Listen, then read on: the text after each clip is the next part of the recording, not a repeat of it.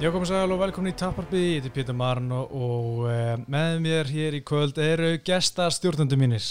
Það eru Bjarki Ómarsson Jó og Haldur Haldursson. Jó. Já, þarna kom þetta sko. Loksins komstu með Jóið. Því. Bjarki náttúrulega þekktu fyrir þetta Jói, sem the kids, en þú ert ekki lengur uh, eldri maður. Þú ert, Já, ég er orðin ungur núna þú eftir ert alveg ungur. Já, uh, þetta er tátur nummer 111 og uh, við ætlum að fara aðalega yfir þetta kartið um helginna, förum í Boom, Ultralight, Trilluna og skoðum að snæðstölgi og helstu fréttir uh, aðalega Logan Paul fréttir eða ein Paul fréttir eitthvað svo þess förum í hotnið eftir, það er búin að vera fastulegir en, en áður að förum í það þá er rétt að skoða auðvitað 111 sem var á dagskrá 27. mars 2010 í New Jersey, Bjarki, þú veist eitthvað að segja mér þetta var eitt af fyrsta, fyrstu kvöldar sem þú horfður á Já, uh, að ég ætla að horfa á þetta sem fór upp í sögumbústað, ég var eitthvað 14-15 ára eitthvað og hann að ég vildi bara horfa að þetta var uppbólsfætur minn George GSP. Rush St. Pierre Mhm. á myndi Dan Hardy þetta var, ég horfa á þetta bara næsta dag klikkað og ég, þá, ég reyndar vissi ekki að þetta var eitthvað kart Nei, þú var- held að þetta væri bara eitt barta já, já, já, ég var bara eitthvað og séum bara eitthvað, ætlaði að horfa á þetta og bara fullt af einhverjum öðrum fætum og ég var eitthvað, byrja eitthvað að spóla hvað, er þetta ekki þannig? séum bara, já, þetta er seinast það mm, er já. ekki ekki, sko Það er svona að fyndi, maður er svona, þú veist er bara að gleyma því hvað, hvernig það er að, þú veist, þekki ekki kerfi veist, ég man sko þegar ég var fyrst að byrja að horfa auðvitað var eitthvað auðvitað 82 bara, hvað, okkur er, heitir þetta 82 það, ég veist, ég var ekkert að pæla í bara svona, það var nú sniðut þetta væri, þú veist 82, svo kemur 83 og svo 84 það væri bara svona númerið, það var sniðut svo, þetta er þetta Já, númerið já, skilur, já. búin að vera hann alveg frá auðvitað 1 Þetta var þetta líka sko cozy, þetta var bara pay-per-view eins og í mánu og Já. stundum kannski var eitt fight night eða Já. tvö eða eitthvað sko, ekki, þú veist þrjú fight night í mánuði og eitt Mhm. pay-per-view, Mhm. já, einmitt þetta var aðeins auðveldra en líka, það var líka pínu fyndið að þú veist að prelims hétu eða svona darklims því að þeir, veist, voru ekki síndir gast ekki í beinni núna er þetta bara, þú veist á öllum sjónastöðum bara, þú veist en í, í bandarækjum ESPN og Fight Pass og eitthvað, en á þessu karti var náttúrulega DSP og Dan Hardy, þetta var náttúrulega kvöldi sem Já, DSP hefði geta klára Dan Hardy tvisar með hvað, Kim, Kimura og, og einhverjum arbar, hann vildi ekki brjóta höndina því að Dan Hardy bara ætlaði ekki að tapa út en þetta var líka Sa, veitu, ha, sagðist hann ekki hafa vilja að brjóta hana? já, hann vildi ekki brjóta hana. Nei. Jú, DSP, Ég hann, horfði á hann að fæta svo oft, hann reyndi að brjóta hendina sko. Hann hætti sko. Hann, hann, ég man eftir að hann var eitthvað að tala um að hann, hann vildi ekki fara lengra. Mm, en ég hef ekki hort hann að fætt lengi sko en ég, ég veit ekki sko. Hann bætt Nei, okay. og svo man ég alltaf eftir því að það kom hérna videoklippa á hann baksvís bara strax eftir barðan sem John Dannar var að sína honum eitthvað eða hver sem var í hóðanum, hvernig hann hefði átt að klára og þá var ég bara, tjúvill er hann metnað fullum hann er bara strax eftir Mhm. barðan að læra Mhm. mistökum sínum og, og það var líka annað dæmi um að ég var svona húgt á honum sem, sem áttandi sko. ég elskaði þetta bara, bara hann var bara hetja minn skilju, ég var Mhm. nýbyrjar í jutsu þannig að ég bara, "Ú, svona á að gera þetta skilju Gægjar Já, uh, það var líka hann að Shane Carvin og Frank Mir á skvöldi, þú veist, Carvin náttúrulega bara lúskra Þetta var brútal sko. Já, þetta var, þetta var pínu svona, þetta var late stoppage mm. Og þú veist, Carvin var líka bara með eitthvað þingstu hend, hendur sem maður hefur séð sko, en, en Mhm. því miður náttúrulega var hann ekki bara ekkert mikið í USA, hann er með eitthvað klikkað innan knockout ratio og knockdown ratio í að besta í USA í dag ennþá, svo var hann að eitthvað gæjar og Nate Diaz var á prelims á Spike TV móti Rory Markham, klára hann í fyrstu lúti og svo mann ég alltaf eftir að Húsimar Palaris hann var hann á leinu, hann híluga eitthvað gæja 45 sekundum og var alltaf lengi að því og þetta var svona típist þannig sko en uh, nóða það Má, uh, má ég koma einu að það? já, já. Þegar vorum að tala um hann á hann hérna, uh, Hann vildi ekki brjóta hann hönd, höndina já, Bergi, ef þú væri með gæja núna í arbar og hann ætlaði ekki að tapa út myndir þú brjóta hann höndina? þú, uh, þú veist, þú ert bara að íta það lengi þá til hann tappar þú veist, þú ert ekki, maður sér það alveg bara höndina svo fann lengst og hann er bara að reyna svo hann getur þú veist, að fá hann til að tappa og á endunum munum brotna en hann slapp mm, og hann að maður sá, þú veist, þú ert ekki bara eitthvað ok, núna, að þú veist, þetta var einhvern veginn að þú veist, hann var alveg að berjast vel á móti og var að reyna að hitsa eitthvað út úr þessu og svona. Mm, en þú, hann að það er erfitt að ná bara brótana strax þegar gæna að berjast á móti en hann að mér finnst hann ekki hafa verið, þú veist, að ég sleppi þessu bara. Nei, hann var að reyna bara eins og hann gat til þess að fá hann til þess að tappa og þú veist það, þú tappar alveg lungu árum brotnar þó hann sem komið lengst nánast úr lið sko. Ok, en já eða nei, myndir þú brjóta á einhverjum höndina ef hann ætlaði bara ekki að tapa? Já eða nei?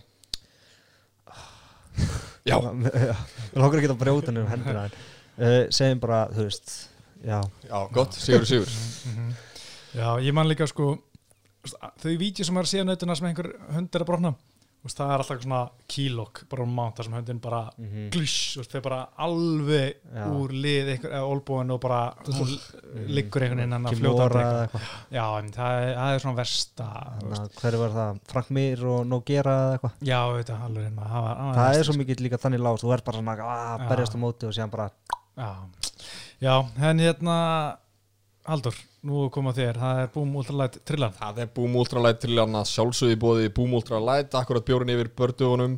Letur Le, þetta er samt ekki léttur, þetta er 3,8 sko. Bara hraðsturt í nokkrum í ykkur og þeir eru góðir, to go sko. Herru, þetta er ekki flókið, uh, eru þið kláristrókar? Herru, ég ætla samt að taka þetta. Ég er með nokkur spurningar sem þið ekki séð Ég fæ frá okkur já að nei svör og síðan í lokin þurfum þið að gefa mér hérna einhvern rókstuðning Herru, hérna, Pétur, nú er byrju, byrjuðu á þér bara. Já. Þú mátt bara, nú ætlum bara þú bara Já, að þú fá mátt byrja. Ég er að svo frekur hvort þið er hana, Já. já, ok. Um, Erum við klárir það? Já, Herru, já. ég ætla að koma að það, ég fekk hérna senda í, er ein spurning sem er aðsend af, af Selfossi, ég með einn vígalegan þar Já, sem bara hérna, þú veist, að hann fara að koma að það ok? Já. Mhm. Herru, léttungavigtin í Bellator er hann áhugaverðari en léttungavigtin í UFC Nei, Nei, Ok, herru, hlutabrefin í Chase Hooper lækkuðu þrátt fyrir að hann hafi unnið sinn bardaðum helgina? Nei. Nei. Ef þú þurftir að þurka út einn þingdaflokk í UFC til að búið til pláss fyrir 165 pundaflokknum þá er þið fluguvigtin uh, sá flokkur til að fjúka. Nei, flugut hvernig Nei, ekkert svona, Ok, það er samt versti flokkur sem ég sé sko, en ok. Kalla megin. Að nei, Nei, ok. Ú, gaman að fara að þetta eftir Herru, Henry C. Húto slæst uh, árið 2021 Já. Nei, henni svo nei, nei, nei, nei. Nei. já, uh, Tony Ferguson á eftir að vinna þrjá í röð. Nei, nei. Uh, Davison Figur, nei, Hafþór Július Björnsson myndi vinna Davison Figueiredo í, uh, í þryggja lótu barða já. Já, já. Ó, Ah. Oh my god, ég, ég, ég ætla að segja Já, já, þessi á, þessi á beint frá Selfossi. Já, ok, ok, ok, ok. Skemmtilegt, já. Skemmtilegt, herru, ok, herru, uh, fyrsta hérna. Uh, Léttungavigtin í Bellator er, er hérna orðin áhugaverðar en léttungavigtin í UFC það var nei þar, Pétur, svona svona hingandi Já, hún er orðin geggi Úst, Náttúrulega nú, að- nú eru konum með viðbættinar Antoni Johnson mm -hmm. og Jól Romero. Mhm. og hérna og fyrir voru hérna meistarinn Vadim Nemkov og Ra Ræðan Betir Beitir. og Corey Anderson. Og, bíddu, getur ætlar- farið Já, músaði sig svona eitthvað upp og niður ætlar Jóel að vera bara í light heavy Já, Já. Er hann búinn að segja það? Fyrsta Já. bardaðin í læt Oh baby þannig að þetta eru sex sterkir sko. Mhm. en hérna en sko, það sem ég er svona pínu að hugsa með auðvitað sko, er að núna þú veist eru konir svona, það er svona nokkrarna gamla skólum í Bellator, ég meina Anton Johnson hann er ekki búin að berja síðan 2017, við veitum Mhm. ekki alveg hvað hann stendur í dag sko, -hmm. en ég meina kannski Bellator getur hann verið aðeins að þú veist, fá sér einhver auka próteinskilur sem, Já, það er minna um það kannski. Já, minna verið fylgjast með Minna sko. að fylgjast með. Já, en hérna og þú veist, Jólur Mero og náttúrulega alltaf skemmtilegur og en maður er ekki séð í léttungu eitt, Ryan Bader, þú veist, ég veit alveg að Ryan Bader myndi ekki vera meistari í þessu í dag. Það er bara hann, ég er bara henni ekki trú Nemkov, þú veist, að, ég er svona, ég er alveg spenntur að sjá hvað hann getur gert sem meistari þar uh, þetta er alveg marg, mikið svona mörg spennandi mattsip fyrir hann, en þú veist, Corey Anderson hann sama með hann og þú veist, maður ve- veit alveg hvert En hann var að gæti fara í Ryan þessu. Bader ekki ádræsla Blackovich þú veist maður hefði, maður hefði aldrei að margir sé að fara að vinna Blackovits en, en hérna, veist, það hefur ekki alltaf verið hann en jú, örgulega sko.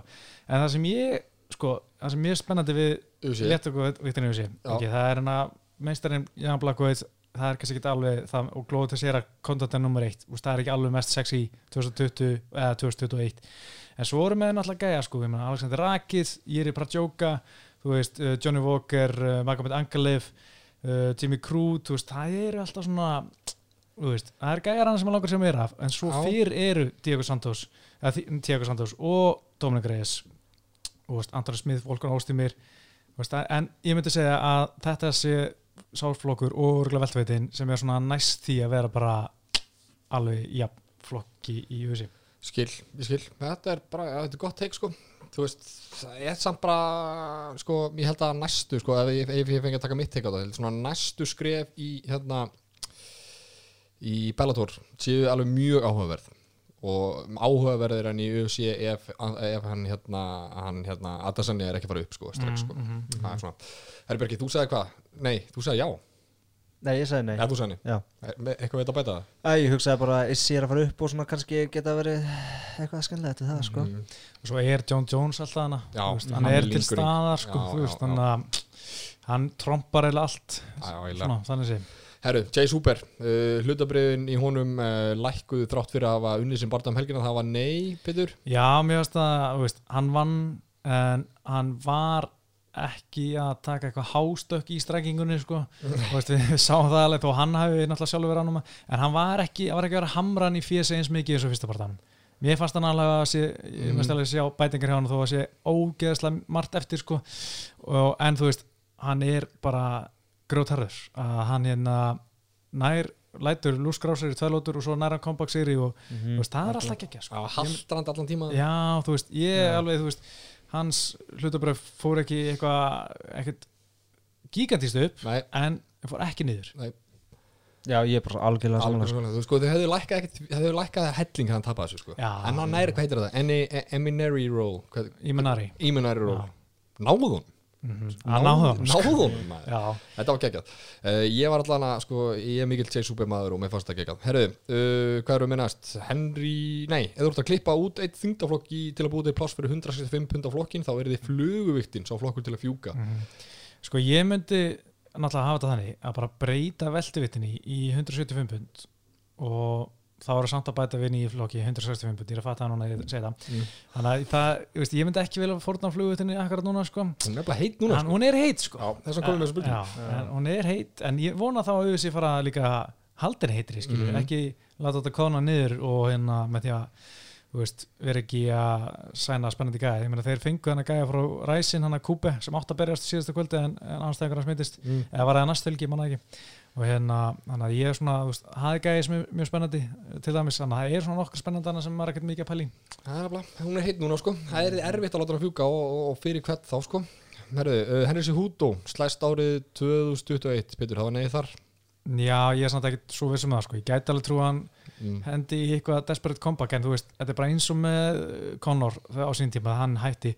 Hann var að tvíta og tvíta, fyrstu vikunar þá var svona að að koma fréttir um Conor segir þetta, svo er allir bara hann drullu þreytir á er veist, hann er, Henry er hann, eins og við tölum við síðast hann er svo að stormeta eftirspilnuna eftir sínum hugsunum og, og bara sínum barðahjöfleikum með því að hérna, vera að tvíta svona mikið og, og halda allir sér býða eftir það er engin að býða eftir honum. það er einn öllum drullu saman um Henry Cejudo fyrst mér. Já, samt að vera geggjað að fá hann inn, inn núna. En hérna, Björki, þú er með já hana Ég sagði já. Já, Æ, ég bara sé fyrir mér hann hendir inn einhverju svona vídjói eitthvað, ah, Triple C is back eitthvað svona, Bam, bam, bam. já, og þú veist, það er þrjú likes og þú veist, en maður horfur á það, en ég er bara einhvern veginn, ég, þú veist, hann er alltaf hann inni eitthvað að tvíta, þú veist, allt í henni fattan hann bara, ég þarf að kepa en með það sem er í gangi í, sko, eins og tala um bara rétt á hann að flugutin er heit akkur núna, Mhm. það væri gaman að fá hann inn.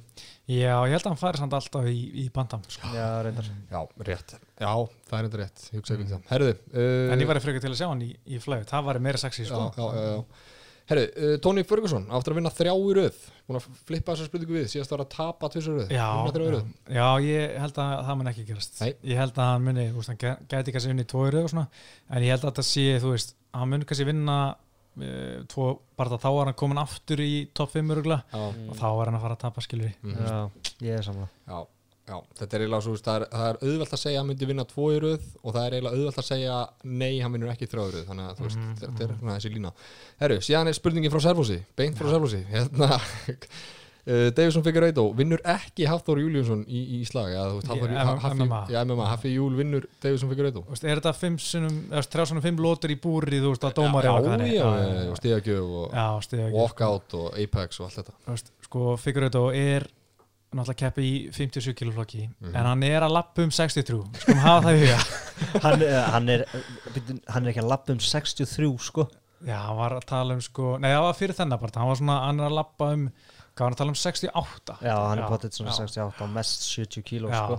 og Hafþór, hann er aðeins meira það. Já, hann er, hvað, er dætt í 160 núna eða hvað, er já, hann eitthvað letast hann, mikið hann er að trimma sér niður fyrir boxið sko. Já, Fyrir Figueiredo fyrir Figueiredo já. ég, þú veist, veit ekki hvernig það myndi fara nákvæmlega en, en ég held einhvern veginn bara að Hafþór myndi ykkur bara leggjast ofan hann kannski já, bara. já, og bara halda og vinna á það- ég er búin að hugsa þetta sko. Ég veit ég er búin að hugsa þetta. núna. Okay. ó, þetta er erfitt sko að því veist hann er náttúrulega bara eitthvað viðbjóðslega sterkur.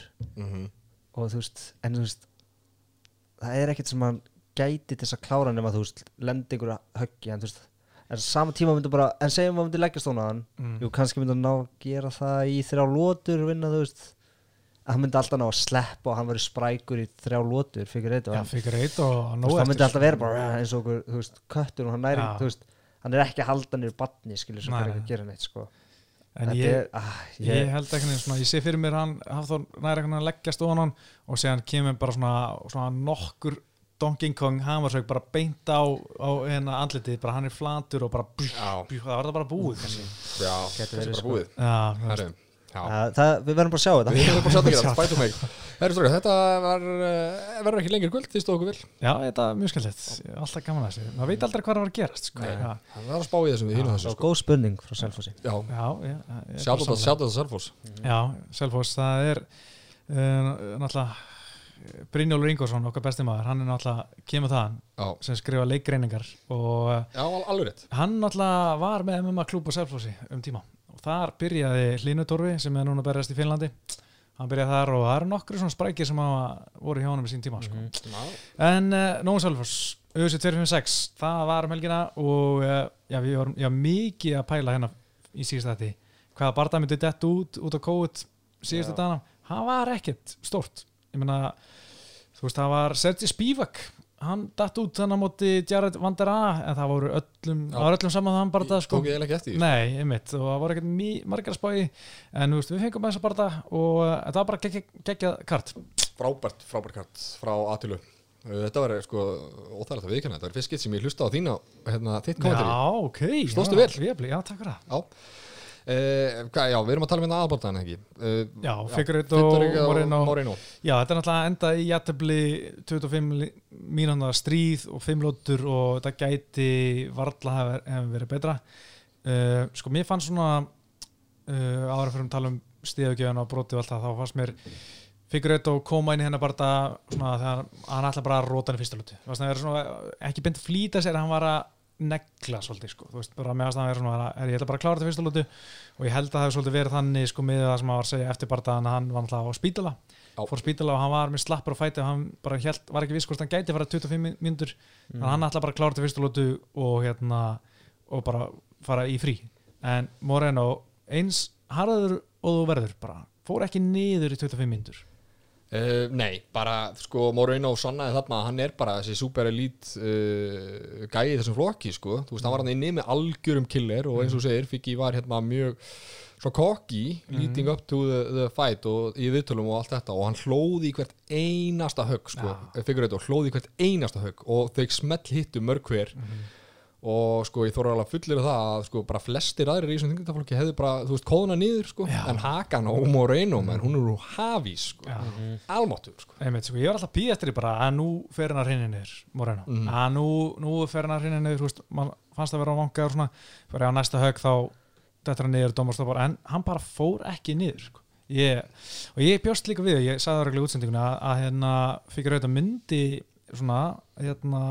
í að, myndi draga á hann þegar leiða barðan og það gerðist, gerðist aðeins en hann var samt bara mjög flottur í 25 mínútur. Það komur óvart sko, ég held að hann myndi vera miklu þreytari svona í þú veist, 3, 4, 50 sko. Mhm, Nei, hann stóð, hann stóð alltaf upp. Hann bara stóð, þú veist, eða, þú veist hann sko, hvað sé ég, stóð alltaf upp. Hann, jú, hann stóð alltaf upp, hann var alltaf game, sko, alltaf hann var að þykja þessi ógæslega þunguhögg, sko og, og líka þessi fál sem við tölum kannski betur um með eftir. En þá stóð hann alltaf upp og var alltaf mættur, sko. Hann svaraði alltaf, sko, hann leit aldrei lemja sig þrjus og fjóru sinnum, fimm sinnum og bakkaði í eitthvað svona, einhverja nöðvörd, hann svaraði alltaf kom alltaf með höggi, ég veist eða skilja ykkur fyrir þetta, sko, alltaf game heldur betur sko. Mm -hmm. uh, ég hans líka sko uh, þetta hérna magakvissan hjá Figueiredo. Þú veist, þetta er búið að vera veist, ég veit ekki hvort það tengist köttunni þú veist, en þeir segja þetta hann að vera að bóra einhverja súpu hennar nokkur þeim fyrir. Það er ekki kæft það, ég veit er það alltaf ekki að það getur alltaf gerst, ég menna hún getur alveg fengið magakrampa á að vera kötta og síðan fara að borða þú veist, búin að vera að svelta það svolítið. Mm. þú veist, Björki, hvað, hvað heldur þið? ég, ég veist ekki svona aðeins að maður en hann uh, það gæti verið köttið sko. Þú veist, meldingin getur líka bara að fara í eitthvað rugl þannig að þú fyrir að borða aftur sko. Já, mitt sko. Þannig að ég veit ekki ég held sér ekki tilhugum sko Nei. en kannski burt sér frá því, þá var samt þessi bardagi hann var geggjaður sko og þetta var svona bardaginn sem flugvittin hvað segja, hún þurfti þetta svona svo stórt og jákvætt augnablík mm -hmm. eina stóra í langan tíma sko. mm -hmm. þessi þingdaflokkur hefur ekki átt svona jákvætt umtala hvað ég segja þú veist, eina sem var, veist, þegar voru auga á svona flokki var alltaf fjadrafóki í kringum hérna Henry Suhuto Mm. uh, og það var kannski ekki allt hérna jákvætt Nei. og núna eitthvað, þú veist, dætt eitthvað með flugvittinni og þú veist, við fáum hugsanlega barda ársins og sko eh, ekki nóg með það, þú veist, þá hækkuðu hlutabrefin einhvern veginn í báðum fæturum, sko, og allt í hennu eru komin með svona semistjörnu í Moreno, sko, Já, Nákvæmlega. nákvæmlega sko. sem er bara geggjað, sko. það er líka alltaf gaman þegar svona Mexikanar berjast sko. þeir eru geggjaðir sko. þeir eru með svona, þú veist, það er bara eitthvað í þeim, þeir bara, þeir gefast ekki upp sko. Nei, það er, það er geggjað sko. það er eins og að séu með svona aðeins harðar haus heldur mm Mhm. -hmm. sko. það er bara svona, það er farið sko. er, er gaman. nema Hósi Alberto Quinones hann á ekki að rauðleika með að fara niður sko. það er bara, það er gæðin sem voru út í Sjóna Malli hann í sumar, en, en skiptir ekki máli. Nei, mars, en hérna uh, sko, þetta er búið að vera geggja ár fyrir flugveitina. -hmm. og veist, þetta er ekkit frábært ár fyrir marga um, svona út af sollu eins og segja, en hérna en flugveitin náttúrulega byrjar á sko figureit og skýtur á þessu vikturinni og þetta var svona vesinnis engi mistari, laust belti og allt það. Svo kemur bara figureit og pakka benni vitið saman frábært framastæða mátti Peres og menn er bara að tala um hans sem stjórnu og síðan kemur bara fight of the year eða eitt besti barndagi ársins Mm uh, á bara aðal bardaginn á pay-per-view kvöldi og svona nú er hefur aldrei verið talað mikið um flugveitana uh, og núna úst, fyrir utan bara flugveitan sem flokk þetta var mikið talað um Dimitris Johnson á sín tíma en þarna er verið að tala um veist miklu meir um hvað flokkurinn á skemmtilegur heldur en Mhm. hvað eitthvað er ógislega góður sko. Nákvæmlega. Þú veist, ég var sko, í svona, í, svona tengt þessu, þá var ég svolítið komin á það að sko, með Figueiredo og ég bara, með þess að sagt það í taparpinu að við myndum ekki sjá hann tapa í, í langa tíma sko, hann yrði þessi svona endakall sem mæti veist, var og maður fór svona að hugsa, þú veist, verður það gott eða verður það slæmt sko, mér fannst það svona frekar leiðilegt þegar hérna mæti má svo verkefni rústaði bara alltaf öllum sko, það gerast alltaf neitt sko.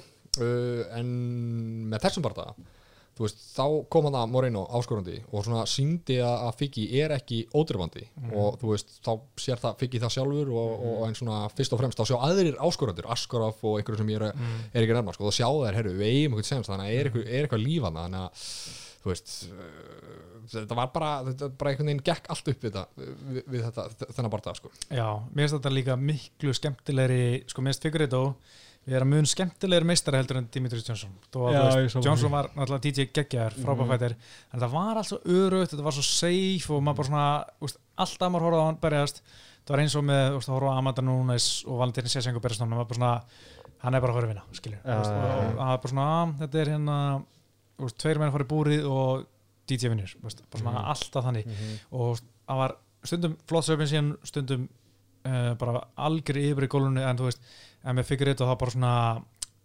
hvernig, úst, bara hann er hlaðið svo mikið power og þá svona, svona aðeins meira svona fútt í hvernig hann fer í barndan sko. algjörlega en það var náttúrulega, þú veist, það var náttúrulega snild að horfa á Demetrius svona skillset, mm -hmm. bara svona sem fætir sjálfur og þú veist, fan, það var bara klikkað að horfa á, þú veist, eins og Arbarinn sem hann hendi gæðanum upp Mhm. og hver var það þér? Ray Borg. Já, Reyborg, þú veit hvað það klikkað samt Já. með mæti má sko, að, þú veist, ég er sammálaður með, með Figueiredo, þetta er svona skemmtilegir meistari sko, og mæti má svo að það var fullkomin, þú, hvað ég segja, svona keppinu, það var, svo- það var svona professional sko, Já. hann var aðrunumæður aldrei neitt vesen á honum, aldrei Mhm. einhver læti á honum, hann bara fór og vann. Figueiredo er sushi kokkur Já. og veist, hann er að rífa kjaft, reyndar á portugalsku hann er að læra Já, ennsku já, og þú veist, ég ætla að rústa honum og þú veist, þessi gæði verið auðveldur og Mhm. þú veist, það gefur þessu smá líf sko það Þú- gerir það sko og líka hann er með svona maður sér hvernig hann klæði þessi mm svona, Mhm. swag yfir honum eins og krakkarnir segja mm veist, hann er í einhverjum hérna, þú veist bara hann er að pæla í tískunni sko. Já. og hann klæði þessi eins og stjarnar sko. Mhm. hann er ekki bara í, í íþróttagalanum eins og Já, mætum hann sko. fær 50.000 dólar frá Dana White og þá er hann mættur á Instagram eitthvað að sína þetta, þú veist, með eitthvað seðlabúnt og svona, þú veist, Já, Love it. þú veist, nákvæmlega, skilur Já. við, þú veist, ég og Bjarki, við unga kynslu, við elskum allt svona, Gæðin sem segja, jó. já, nákvæmlega en hérna, eitt gæði sem er bara að fara uh, sem var ekki ánað með þessu úslit, það er eiginlega Cody Garbrandt Já. hann uh, getur bara að fara í aftursætið og beðið eftir tillbarða eða tekið eitthvað annan barða í flugutinni því að þú veist, það er engin að spá í að láta hann fara móti fyrir auðvitað Nei. það er bara já, herrið hérna bara taktu númur að fara röð Brandon Moreno, hann er að fara aftur í, í fyrir auðvitað, það er bara klárt mál sko. Já, það meikar ekkert annað sens sko. Þú veist það meikar ekkert annað sens. Já, ég sá því tweetið frá Cody. Eftir, bara strax eftir bardaðan þá tweetaði hana á Henry herruði, þá er þetta vist bara ég og þú í mars skilur eitthvað Já, svona. Já. Aha, ég sá það ekki en þú veist, ég meina, já greiði grei, Cody, Cody það bara að býða hann fekk COVID, er að býða fram í mars líka sem vinnur ekki með honum, þá, þú veist, þá svona gleymist hann ennþá meira, en þú veist, bara eftirspurnin er bara, ég vil sjá hann að barða aftur, sko. Á hinn og hinn og hinn og hinn og hinn, sko. Já, já, það er bara þannig, sko. Það er svolítið henni uh, hérna, vonandi bara að vera þetta í já, mars, april, bara geðum þessum gæðum gott frí. Þegar hérna bara, voru berjast bara þrejum vikum og svo aftur núna og búin að kötta á alltaf þannig ég var heldur ánum þetta. En tölum að þessum sparki í pungin. Þetta var ég, var, ég ekki sé marga kvart yfir þessu, eiginlega enga kvart yfir þessu. Við varst að vera bara fullkomlega höndla hjá Jason Herzog, dómaranum sem er eitt besti dómarann í brasanum mínum að því. Og Figueiredo var ekkert að kvarta, hann var ekkert að kvarta eftir barðan, Dana White var ekki ósóttur hann var bara allir bara svona, að það er bara rétt það er bara veist, eina réttu stöðinni.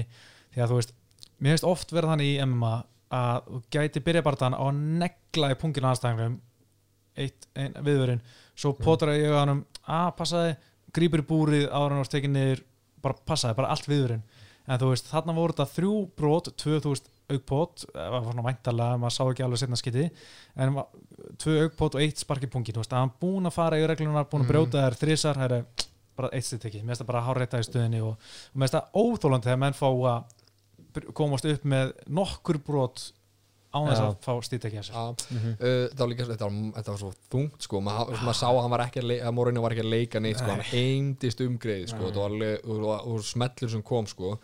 Og var ekki svona, svona lættist að mér kannski sá grunur að Hörsak hafi tekið stigið af því að þú veist greiði Morinu og þú veist, var svo illa leikinn sko, Já. eftir þetta, þú veist, hann hefði hort svona á hann eitthvað engjast um og næstu í ælandi þá var bara, æ, þú tekið stigið er, þetta, er, er, er ég í ruglinu? það er alveg góð punktur, þetta hefði verið svona eins og maður sér oft bara svona, svona glancing hann svona, ú, að stoppa aðeins.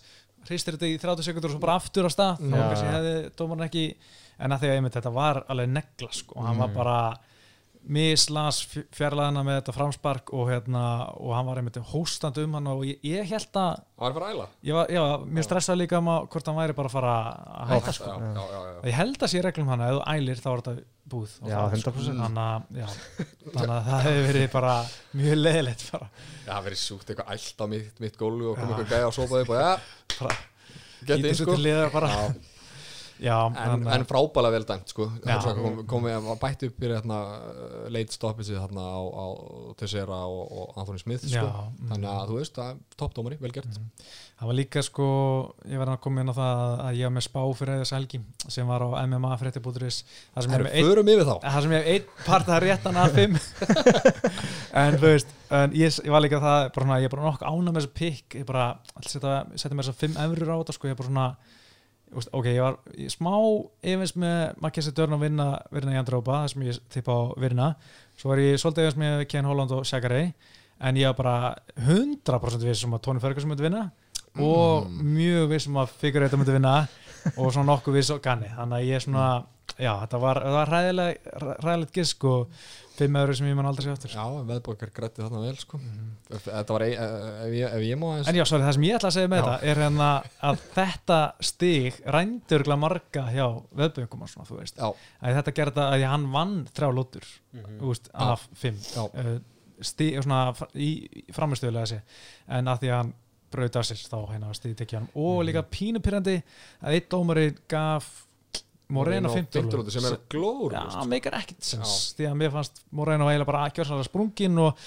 gerði eða ekkert í þeirri lótu en, en veist, það kostaði hann svolítið sigurinn líka. Já, en sko eitt í þessu að þú veist, það er eiginlega engin ósáttur með þetta jafntefli, sko, ekki bara það mennir og einhvern veginn a- allir sammóla um og veist, fans líka, sko, sammála um þetta þetta er jafntefli, að því að skorkortin sem maður er séð og veist, maður, maður hitti fólki hérna, hæri vinstri, að hérna, skorkortin er einhvern veginn út og suður, sko, þú veist, ég þekki nokkra sem skoruðu bardaðan fyrir Moreno, sko, en ég er ekki sammála því, ég, þú veist, Nei, það, nei. En já, talandum skora barðan Daniel Kormer, sko, þú veist, ég hef sagt aður af hverju er maður ekki búin að lesa reglunar hann veit ekkert hvernig þetta er skora hann er þung, var þung af þetta meistari er lýsandi í auðsí og þú veist, hann er svona dæmi gerða bara svona vittlesis komment sem hann kemur með eins og þegar í annarlóti Brandon Moreno næri einhverjum einni eða tveimum fellum ger ekkert með það, ger engar skada, ekki neitt. Og Daniel Kormi kemur, já ég held að Moreno var einu slóti, hann náði tveim náði tveim fellum. lótum, bara tveimum fellum, bara, nei, þú veist það er einmitt það sem var þannig fyrir sko fjórum-fimm árum eða 2016 eitthvað, en það er svo langt sinna var breytt Mhm. og hann er að tönslast á sig sem gera verkum á margir aðdandur veist, sem er ekki búin að skoða reglunum og er bara svona, já, herri, þetta er rétt í honum veist, maður á að treysta því að þeir sem er að lýsa í auðvitað, toppurinn á tó- tónum að þeir kunni reglunar þessi mann að lesa þetta krætýrja Þetta er ekki fyrst þetta skipti sem þetta er að Google, skilur. Þetta er ekki fyrst skipti sem þetta gerist þetta er ekki fyrst skipti sem við erum að tala um Nei, þetta ég veit sko. það. Akkur er ekki búin að pikki hann bara, herru, félagi, þú veist Hvað það er með mér þetta, ég ætla að sína þetta tóttar hluti á þessu blaðið hérna. Já, þú veist, John sko. Anik er mesti professional sem við veitum hann og Chris Harrison í Bachelorette og Bachelor, það er tveir algjöru fagmenn í, sjó, í bara amerísku sjónvarpi. Ok. Og John Anik, hann kann reglunar upp á tíu en hann hefur aldrei bara staður skilju. Mm. ég, ég dýrka það, hann er búin að lesa þetta hann er búin að fara yfir þetta og hann kemur þetta með svona, já, samkvæmt reglunum er þetta svona og, og samtíma eru Joe Rogan og, og Dominic Cruz og Daniel Cormier alltaf bara svona alveg klúlis um hvernig reglunum er Já, skrítið, heyrið þú í þeim þegar þú ert að lýsa á já, viðplega já, já Aha, Í álunni, er það ekki óþægilegt það? Nei, já, það var alltaf verið þannig og líka á stöð 2 og svona. Já, það er líka fínt, þú veist, stundum eru þeir með eitthvað info eins og þú veist uh, uh, þeir eitthvað hotni er að tala um að hann sé búin að brjóta þessu höndina eða þú veist, eitthvað svona, Mm, þú veist, þeir já, já, heyra eitthvað þegar þeir eru á staðnum, þá er gott að fá það í eira sko, og svo leiðilegt að vera alveg klúlega sem eitthvað sem er augljóst fyrir þeim sem eru á staðnum. Einmitt. En já, uh, allan að næsti barndagi við það sem það er Charles Oliveira og Tony Ferguson ég bara að komi rosalega vart hvað Charles Oliveira var miklu betur en hann í veist, ég vissi að hann var góður en veist, ég held að svona að, að Tony Ferguson væri það góður að glíma sjálfur að hann myndi losna frá Charles Oliveira í gólfinu. Bara, mér varst bara svona, bjóst bara við því en hann var aldrei nála því. Ég ætla ekki að vera að blása minn einn lúður hérna sko, en ef þið hlustið á síðast tapar sko ef þú hlustar á tappar við þar seinast Já. þá sagði ég held að Charles Oliveira síðan kom ég seinast og hann nýbúin að horfa á kantanu og ég var eitthvað, herri ég breyti, þetta verður Tony sko, Ég og sagði ég, að var, Tóni ég vissi að hún myndi hendur sig Tóni getur ekki verið viltur af því ef hann lendir í gólunum sko, þá getur verið í vesinni sko. já, þú sagði þetta, Þurfum að rífa hans upp og hvað gerði síðan? Hann var bara í massífu vesinni sko. hann var í vesinni já, bara þvílíku vesinni og þú veist, eins og þú segir, munurinn var gigantískur Mhm. sko. Þú veist, er þeir ekki báðir svartbeltingar eða? jú, Level to this shit sko. já ándjók sko þetta var sko, ég, ég trúði ekki hvað þetta var hvað hann átti lítinn sjans í gólunum sko. Mhm. uh, þetta er svona einn af barndagum sem ég var svo ótrúlega vissum að Tony Ferguson myndi vinna en það er svona þessi barndagi og Luke Rockhold og Michael Bisping Mhm. það var svona bara, já, þú veist, það er ekki sjens en og ég var ekki þar sko Nei, ok. ég var samt sko nei, þegar, ég, aðeins í- ég var ekki viss með hennan en ég var samt svona ég var búin að hugsa ok, þetta er Tony sko en Mm. Luke Rockhold, Michael Bisping ég var bara, hvaða rugl er þetta, Já. eitthvað þú veist og séðan bara var ég slein í andliti sko. Shit, sko. en, Uh, uh, já, bara eitt sem við tala með, með Olivera hann var, hann var bara svo geggjær í þessum Mhm. mm. fætt sko, og þú veist, við erum að tala núna um það þú veist, hver, hver alltaf slást um léttviktabelti og hver eru næsti meistari, sko, við erum að tala um Dustin, við erum að tala um Conor, við erum að tala um hérna Gagey, sko Mhm. og Síðan- Michael Chandler sem Michael Chandler, er ekki bara sem er ekki barist, en núna er maður bara, þú veist, uh, Olivera geti hæglega pakkað öllum sem gæðum saman, sko já, sérstaklega ef þetta fyrir í The Golf. Uh, nú er eiginlega svona spurningi sem allir er að spyrja sig það núna er hvort er Charles Oli- Oliveira bara orðin það góður eða er Tony Ferguson búinn? Hvort við og meira?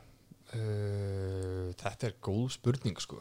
Mm, Tony er smábúin en hann er bara þú veist hann er bara betri grappler held ég sko. Mm -hmm. ég held að hann hefði gert þetta líka ef að hann hefði mætt honum þú veist hvað var Tony var á hvað 12 fæta winstreak fyrir Gaethje eða eitthvað ég held að hann hefði ekki verið á þessu 12 fæta winstreak þegar hann þeir hann, ef þeir hefði mæst skilur fyrir tveimur árum eða eitthvað sko. Ég held að hann hefði kannski getað tekið hann. Aaa, ég, núna er ég byrjað alltaf að hugsa sko. Sko, sko, sko, Hmm. já, sko kannski samt, kannski upp á þú veist kannski er þetta bara stílanir sko. Ég, mm, þeir bara matts ekki að þú veist. Mm, ok, má ég koma eitt hérna, hvenær Já. byrjaði þetta vinstrík hjá, hjá Eh, 2012 eða eitthvað? 13 2013? já, hann tapaði síðast 2012 Já, já, ok, 2013 og núna er þú veist, alveg að koma 2021 og maður er alltaf að hugsa, þegar maður hugsa um Tony þá er alltaf sem maður segir, já, hann á 12, eða, þú veist, var á 12 barda hérna, sigugöngu maður verður að hætta að tala um hann svona sko, þetta er, þú veist, þetta er 2013, 14, 15, 16, 17 sko, sem líðin svo mörg ár sko Mm. að þú veist, það er farið að falla af og það, eh, þú veist, til að svara spurningunni þá er þetta auðvitað bæði sko, Charles Já. Oliveira er einhvern veginn að fara upp á réttin tíma, er á toppa réttin tíma og Mm. Tony er bara að byrja að fara niður og hann var líka lamin í klessu Já, af Gaethje og ég held að það telli svolítið. Já, ég hugsa að Tony Ferguson hafi verið bestur svona 2016, 2017 þú veist, uh, 2016 vann hann en Hafaldos Anjos og kemur Lee síðan oktober 2017 ég held að þetta hafi verið svona tveir svona besta tímbili og síðan alltaf lendur hann í sin heimislu manna fyrir Khabib og uh, uh, fer síðan á móti Pettis hann í oktober 2018 þá Það er svona- vesinn það sko. Hann var í vesinn þar Mm. einmitt, og svo móti Donald Cerrone. Hann var ekkert í það miklu vesinn hann var svona smá vesinn í byrjun í fyrsta lóti eins og alltaf bara en svo náttúrulega hakka hana í sig. Þannig að þú veist ég myndi segja hann eh, svona toppurinn sé Kevin Lee svo fór, er hann bara að vera og hann var ekki það góður á móti Kevin Lee. Kevin Lee náttúrulega gasaði og hann Kevin Lee var með staph infection og tók hann niður og montaði hann og eitthvað sko. Já, mátti hann í fyrsta lóti þannig Mhm. já, það er rétt. En þú veist, er veist, er ekki bara eitthvað horfið? Veist, við getum eiginlega ekki veginn, veist, sagt bara æ, hann var að mæta þarna tvo, tve mjög erfiðum keppinautum í, í hérna Olivera og, og Gaethje, sko, það er ekki allt þarna lengur, sko. Eldmóðurinn er einhvern veginn farin, sko. Já, líka hann talaði með sjálfur hann, hann átti erð með að komast í gang og bara fann ekki nistan og ég held að sé, hann, hann sagði að ég var flatur og hann sagði að mér varst vanta árundur og ég held að það sé kannski eitt sem svona má ekki glemma það er svona sumir fætarögla sem svona keirast örgla svolítið á svona smá adrenalin sko. Kannski hann og hérna veist Justin Gaethje, þú veist eitthvað svona missa sér pínu í, í látunum í árundum og spennunni að hérna að þetta getur kannski haft svona aðeins meira áhrif á hann heldur en heldur en marga sko. Mhm. að hérna ég er ekki að segja að það sé hann hefði unnið þar árundur eitthvað þannig en, en ég hugsa að hann svona hann séur glans betri þegar einhver er að öskra á hann og uh, kvita hann. Já, líka hann talaði, þú varst að í þessari yfirlýsingu sem kom með eitthvað í, Instagram. Já, Instagram. Já, já, pre-time management, sko að, þú veist, Já. hann er ekki að finna sig í, í tímanum sem líði, eða þú veist, aðdraðanum að barðanum, sko sko. og hann fór að sparra eftir þetta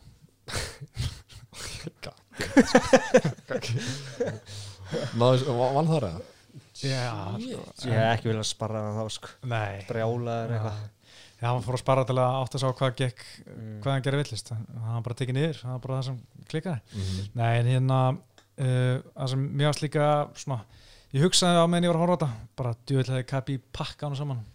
Á, já Já, ég var alltaf aldrei viss um það sko.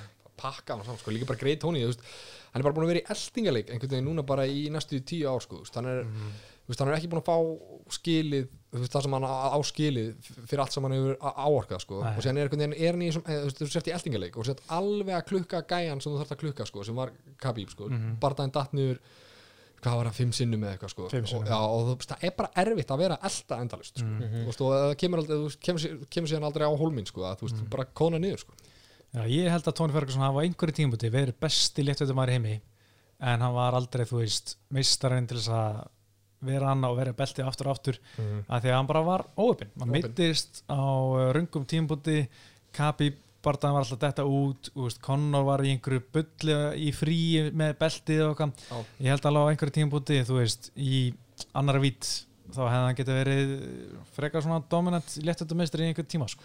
stjórnunar bara rauðust ekki fyrir hann bara því miður sko. Það einhver á það skilið sko, þá var það hann greiði sko. mm sko, það var, var svo leiðileg tími þannig hjá honum þú veist, hann var að berast bara einu svona ári og svona, en, en hérna en ég vona að, að hérna, hann fari ekki eitthvað, einhverja rosa taprinu og að því geti trú að hann veri einn af þeim sem veit ekki alveg hvernig hann hætta. Að fara út bakinu. Já, það er ekki tekið af Óli Vera samt, tjúður var hann góður aðeins tala um það. Mm. hann er náttúrulega bara þú veist, maður er búin að sjá hann svo oft. Veist, ég bara- maður er búin að horfa á hann síðan hann- hérna 2010, hann kom í USA og oft verið bara svona, þú veist maður sér hann er ógeðslega tæknilega góður bara orðin góðu standardi náttúrulega geggjaður gólunu en mér fannst alltaf bara eins og svona bandarski wrestlerar getur bara wrestlan og svona brotaðan bara svolítið smassaðan svona en, en einhvern veginn er eins og svona hann sé aðeins komin yfir það bæði bara svona lætur ekki smassa sig, lætur ekki pressa sig og hennar Mhm. brjóta sig, veist, Mhm. heldur er hann bara það tæknilega góður, hann bara svona veist, eins og matador skilju, hann er eitthvað nöyt að koma hann í staðan fyrir að mæta nöytinu það bara svona Já. beitir hann kensku frekar, veist, og hérna og er orðin bara miklu betri einhvern veginn. Og hérna og jú, svona tíma var hann kannski ekki að vinna neitt þú veist, Jim Miller kannski best en svo koma hann að núna Kevin Lee og Tony Ferguson þá er maður bara svona ok, hann er, hann er orðin einhver player hann hann er orðið, hvað, hvað er hann gáð? 31 eða ekki? já, 31 Já, hann er að toppa líka á einhvern veginn á réttin tíma mm. -hmm. skrítið að hugsa til þess, ég var bara að frétta það um daginn hann er búin að vera í þessu í áratug Mhm. kom inn 21 ás og Mhm. þú veist, það er eins og núna sé búin að einhvern veginn átta sig á og á hlutunum hvernig þetta virkar og búin að ná að tengja þetta allt saman sko. Það er eins og hann vit eitthvað sem við vitum ekki sko, og eins og ég sagði hann, hann er að toppa á, á réttin tíma, sko. hann er stórhættulegur sko. heldur betur sko. Algjörlega. Og hérna er náttúrulega hann er búið með 26 barða í ösi eða hvort þetta var 20, já, hann er búið með 26 og hérna og hann náttúrulega metið flest submission í sögu ösi og hérna og þetta er svona gæti orðið nema að fara eitthvað klika raun og vera mestari svona einn af þessu gæjum sem á bara fáralega góð fyrirskráð en var aldrei mestari þú veist, Mm. Jim Miller og Donald Cerrone báði með fáralega marga barða í ösi engin titill, skilur það er svona gæti orðið eitthvað þannig ef hann, ef hann heldur ekki áfram að stækka skilur að vera Já, ég meina, núna er Khabib ekki, að, þú veist, ge- gefum okkur það að Khabib sé ekki þannig að þú veist, þetta er akkurat helvits tíminn já, sko. Var ekki gaman að sjá hann múti Michael Chandler Jú, mér langar að sjá það ég, En ég er að vera þreyttur á að tala um Michael Chandler á, þess að sé hvað að gerast þú veist. Hvað Mm. ætlar að gera? Ég held að, kannski vita það ekki sjálfur, ég veit það ekki en, en maður er að vera svona pínu óþreyfullir þeir minnst það að lengi tala um bæði hann og vera svona tísa eitthvað á Twitter og Instagram bara eitthvað svona Mhm. er það að koma eitthvað og svona býðum maður, býðum maður gerist ekki neitt en að Deina spurur út í þetta og hann bara, já, við erum búin að he's got something coming eitthvað, og maður Mhm. býður, býður og það er ekki að gerast ég, ég veit ekki hvað allir, þeir ætla ekki að gera með talandi um Chandler sko, það gæðin sem voru að slást núna Tony og Charles voru akkurat gæðin sem hann hefði getað fengið sko, en Já. núna er einhvern veginn Tony, þú veist, núna vil Charles örgulega ekki taka Tony að þeirna að koma af tveim töpum og taka Chandler, eh, hvað sagði ég? Tony, Já, nú vil Já. Charles ekki taka Tony að því Tony er að koma af tveim töpum og er einhvern veginn svona Chandler hvað er að gerast það? Já, ég meina það, er að hugsa sín gang já, og Chandler nei, og, og, og, og Charles Oliveira Já. vil ekki taka Chandler núna því núna er hann að horfa eitthvað ofar en hann sko. mm, já, það Heyrðu, getur þú hlustendur líka eitt. afsök- afsökunum þessu Þú að, að, að, að hann myndi kalla út Conor McGregor. Já, hann gerir alltaf, þetta er bara svona þú veist, svona svipa mikið öryggi að giska á þetta eins og að Mark Hunt munni þakka Jésu eftir að hann róta einhvern gæja skilur þú veist bara, Jesus loves knockouts. Já, þú veist, það er bara svona að nokkuð örygt að hann muni kalla út Conor. Hann örugglega alltaf gera það, sko. Gerða hann á Magnús strax eftir fætið Já, hann var í viðtalinu bara svona, ég til að fá Sigur hérna Conor og, og Dustin Poirier. En ok, hvað er næst fyrir Oliveira? er það ekki bara sábartæðið? Sko, ég nefnilega held að það verði ekkit sko, ég held að sá sem vinnur þann bara hann er að fara að berjast um einhver titil Mm. en ég veit ekki hvort að Olivera fá titilinn Mm. þegar ég get alveg trú að, að Justin Gaethje eða Michael Chandler hann, þeim verði hent þarna saman Mm. og segur hann þar fái þú veist, það veri jafnvel titilbardagi eða eitthvað, eða þeir loksins ákvæða sig hvort að Khabib hættur ekki Já.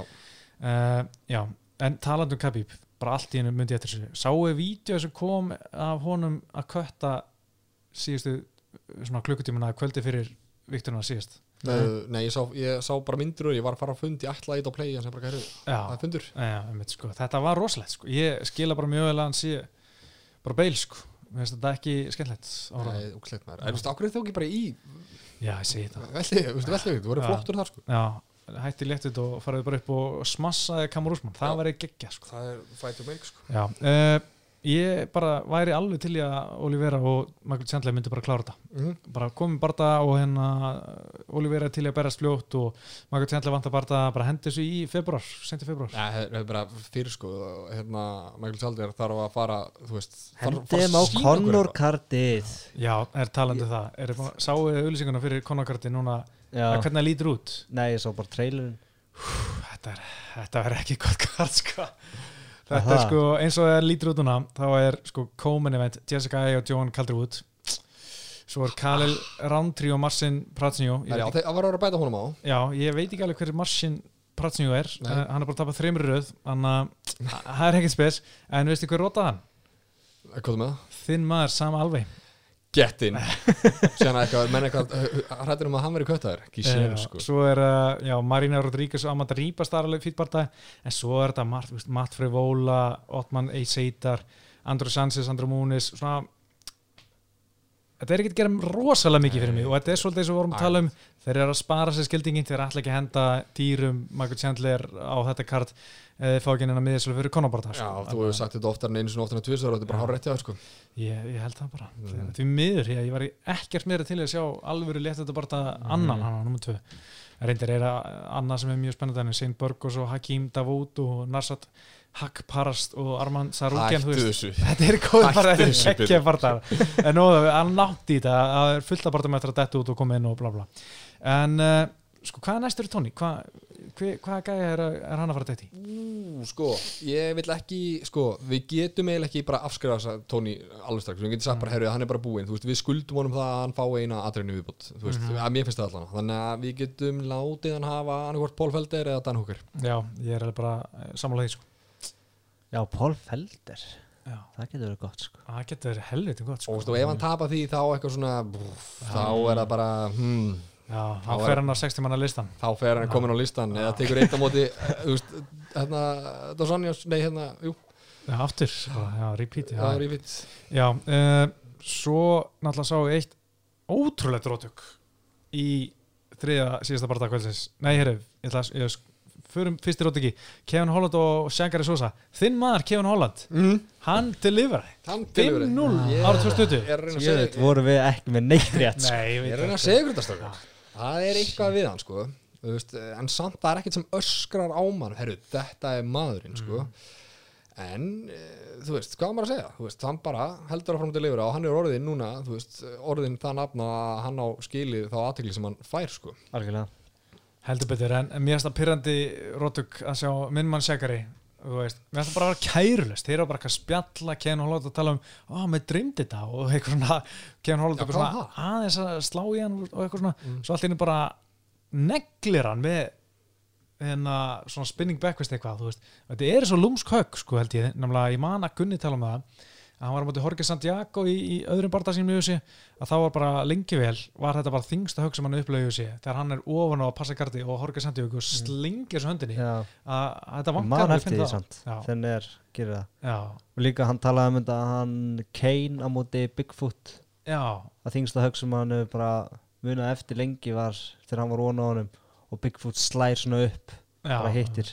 Hann bara, wow þetta er lúmst sko það hittir höguna eða eitthvað sko vel já, gott vorab, þú notar alla höndina eitthvað mm -hmm. voru að gera meira þessu ah, þetta er eitthvað ég er aldrei á sko. bakinu En- þú veist, á hérna Sosa, á hann ekki að vera einhver endakall í gulunni eða? Þú veist, á Já. þetta gerast þú svartbeltingur í það heil ekki sko, ég meina sérstaklega þú veist, hann bara hann niður og hann bara svona, ok, hann er bara að gera sitt mm -hmm. en ég meina hann var líka rotaðar svona á móti Gegard Musasi nema það var svona upkick, þú veist, ég held að það var í Pride að hérna allan í Japan og bara svona, veist, hann er bara svona að demba sér í gardi, ég held að það sé smá svona hann bara er aðeins svo mikil júitsu gæði já þá var hann til Já, og hann bara svona gleymir sér að það má kýla í- úr öllum stöðum mm Mhm. að hann bara var kærlus þetta var pínusvekkjandi fyrir mig ég held að hann væri hérna svolítið svona komin með með sína stöðu sko. Já, ég líka, þú veist, e- ef og hefði sko, þú veist, hefði hann ekki verið kærlust þá hefði hann örgulega bara klárað hann hann í gulunni sko ég vil, uh, leiða mér að dreyma það pottið sko En þú veist, ok, talandi um Ken Holland, er hann góður eða er þetta bara eitthvað svona ágætskæði sem er, að, er heitur akkur núna ágætsrönni? Þú veist, hvað er hann? ég held að það sé svolítið þannig að hann sé heiti núna en, en þú veist, svona pínu svona Er hann sérstakur eða er hann bara eitthvað svona gæði sem er að hitta akkurát á einhverju tíma? Já, sko, pff, ég held að hann veri svona pínu wildcard svona gæi alveg lengi hann með vinna ykkur barða og, og tapa barða sem hann á ekki að tapa og vinna barða sem hann á ekki að vinna og þetta Mhm. verður eitthvað svona en ég held bara umfram allt verði þetta svona top 10 gæi og þetta verður skemmtilegt Já. já, ég held að það sé bara svolítið Mm. þannig Og þú veist, það, þú veist, það er svona smá kjaftur á hann hann svona, svona passa sig að vera ekki óviltur sko mm. sem gefur svo smá lit sko já, ég er bara til að sjá meira á hann sko. en þetta kamsat kolot ég veit ekki. Jú, slá játnið með heitt sko. En ég Kamsat meina- svara, kamsat svaraði sko. Já, en ég menn hann er svolítið bara núna bara setla í að virðist alltaf verið veltu vitt hann kamsat Mm. af hverju ekki að gelta frekar á Darantil eða, eða Vettori sem var nú að ná góðum seri þú veist, er, Pálo Costa skilur þú veist, heyrðu Pálo Costa, eða hvað kamsat er bara akkurat núna er kamsat heitar en þeir sko. Já, já, Bara akkurat núna, hann er reyna þú veist, að- þú veist, hamra játnið með heitt sko já, já, kannski. Eða hvað, en svo, svona hefði miklu meira mega sens að hann hefði kallað að, hann fær einhver af þessum gæjum næst þóra ég að vona sko. Já, já, kannski bara Jack Hermansson þeir áttu náttúrulega að mætast hann já, Jack Hermansson er ískaldur núna hann, mhm. En uh, sko Sjakari, er hann að fara á listan? Já, hann, er, Er hann var, out? á, var á listanum áður fyrir þennan bara Já, ekki tökka sko. Þó hann hefði unni bara. Já ég menna hann er sko það hefur samt alveg gæst Já, ég menna þetta er hann er orðin 41 árs hann verður 42 núna nei, hann var, djók, hann var 41 árs núna í desember, sorry. Bara hætta núna. Já, hann er ekkert að fara að hætta. Ég held að hann sé, svona, hann er einn af þeim sem heldur að hann geti gert það lengur. Hvað er aðeins um Brasilíumennum? Já, eins og Andjóks, Andós og Silva tökum ekki Junior dos Santos næst sko, og síðan núna hann sko. Mhm. Hættið þið bara. Ég veit það, sko, þetta er eitthvað í það þeir bara, þeir halda að þeir geta þetta miklu lengur en þeir ætti að gera, sko Mhm. Já, en ég veit ekki með hann, sko, ég vona veist, ég hef alltaf gaman að hann, sko ég var í ógeðslega mikið til í að sjá ef Sjakari kemur núna en í MMA, þú veist 22 ára kannski, þú veist staldra aðeins stýttra við í glímunni kannski, eða svona kannski hérna, og kemur inn bara ferskur sem bara geggjar glímaður í millitana mm. ég var svo til í það sko því að þetta var svo, var svo ógeðslega gaman að horfa á Sjakari þegar hann var sko koma í strækvor svona var, var að hérna mistran þar, ég tapa beltinu hana og síðan bara hann var að taka gæði eins og sem hann held að vera eitthvað svona góður og Kami ég, held að það er gæðið jætt bara hann pakka hann saman. Og hérna tók Gekert Masasi og hérna og svo Vito Belfort náttúrulega pakka hann saman veist, gaman, Tim Weidmann. Boats já, Whiteman, þú veist. Það var svo gaman að sjá hann vera svona í gólunni en að pakka gæðin saman ég saknaði þess smá. Eins gaman og það var kannski, ég veist ekki um það þá er þetta alveg umulegt sko. Þú veist, maður finnur bara til sko. maður gerir það svolítið sko. En að mér varst líka svolítið skrítið með hérna að ég vorum að tala um Chris Weidmann við vorum að tala með þetta í dag. Ég man það sko þegar Chris Weidmann var mistarinn og þá var hann búin að vera í beltisett á móti Andros Silva uh, Líto Masita og Vito Belfort. Svo saman var að næstu gæriðinni var Luke Rockhold uh, hérna Jól Romero og Sjagari og mér hugsa bara "Úff, þetta er rosalegt rönn ef hann kemst í Mhm. gegnum þessa trjá þá verður hann bara, bara jafnvel einn af bestu í heimi sko, eða ever skilur en, hérna, en hann tapar alltaf fyrir Luke Rockhold og svo tapar hann fyrir Jólar Mero og Mhm. svo rótaði hérna Sjakaran, hann að Vætmann var langt frá því að vera einhver all, time great sko ah, Nei, ég, þetta, hve- hvernig var þetta? 2017? Ei, Iss, 16? Já, 2018 var síðasta hennar var á móti Chris Vætmann Já, ok. Sjakari Vætmann já, uh, allan að ég, svo ekki meira að segja um Vætmann Byrju, eitt hérna, sem er lengur, eina hypothetical. Hefði, sko, hefði hérna Figueiredo, hann tapað og Holland átt þessa framistöðu Mhm. Holland þá bara það var ásins, já og nei ég held það, já.